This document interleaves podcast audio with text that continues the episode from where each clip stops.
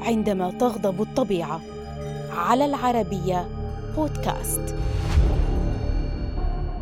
على ساحل خليج إزمت وفي واحدة من أهم المزارات السياحية في تركيا يتوافد غواصو العالم لخوض تجربة مشاهدة بقايا مدينة دفنت تحت الماء. فنادق وحدائق مرسى سفن مقهى ومنازل. جميعها أصبحت ملاذا للأحياء المائية لكنها في الواقع شواهد تاريخية على حدث جلل هز المنطقة منذ نحو 24 عاما. كيف لا؟ وهو زلزال إزمت الذي راح ضحيته أكثر من 17 ألف شخص.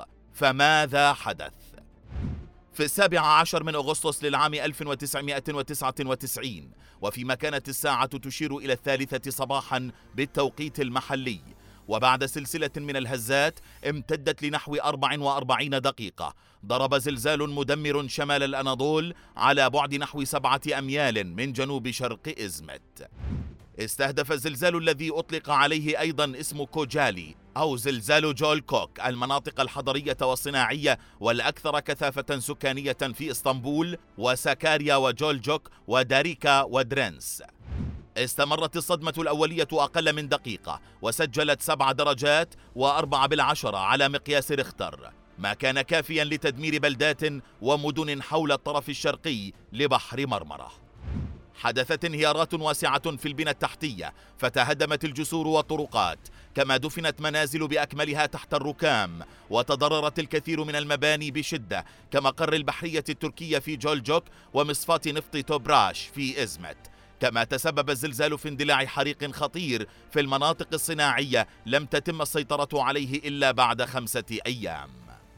بطرفة عين سحبت المياه أجزاء من المناطق الساحلية في مدينة جولجوك باتجاه عرض البحر لتغرق أجزاء واسعة منها بما فيها من مبان ومرافق.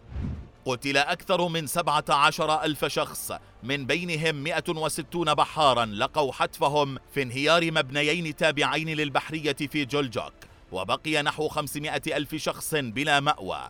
كما أشارت تقارير بعد الحادثة أن نحو 365 ألف مبنى تضرر بشدة من بينها 112 ألفا انهاروا تماما. فيما قدرت الأضرار الاقتصادية بنحو 23 مليار دولار. منذ ذلك اليوم لم تعرف المنطقة زلزالا أكثر تدميرا من زلزال إزمت فيما باتت المدينة الغارقة شاهدة على عظم الكارثة.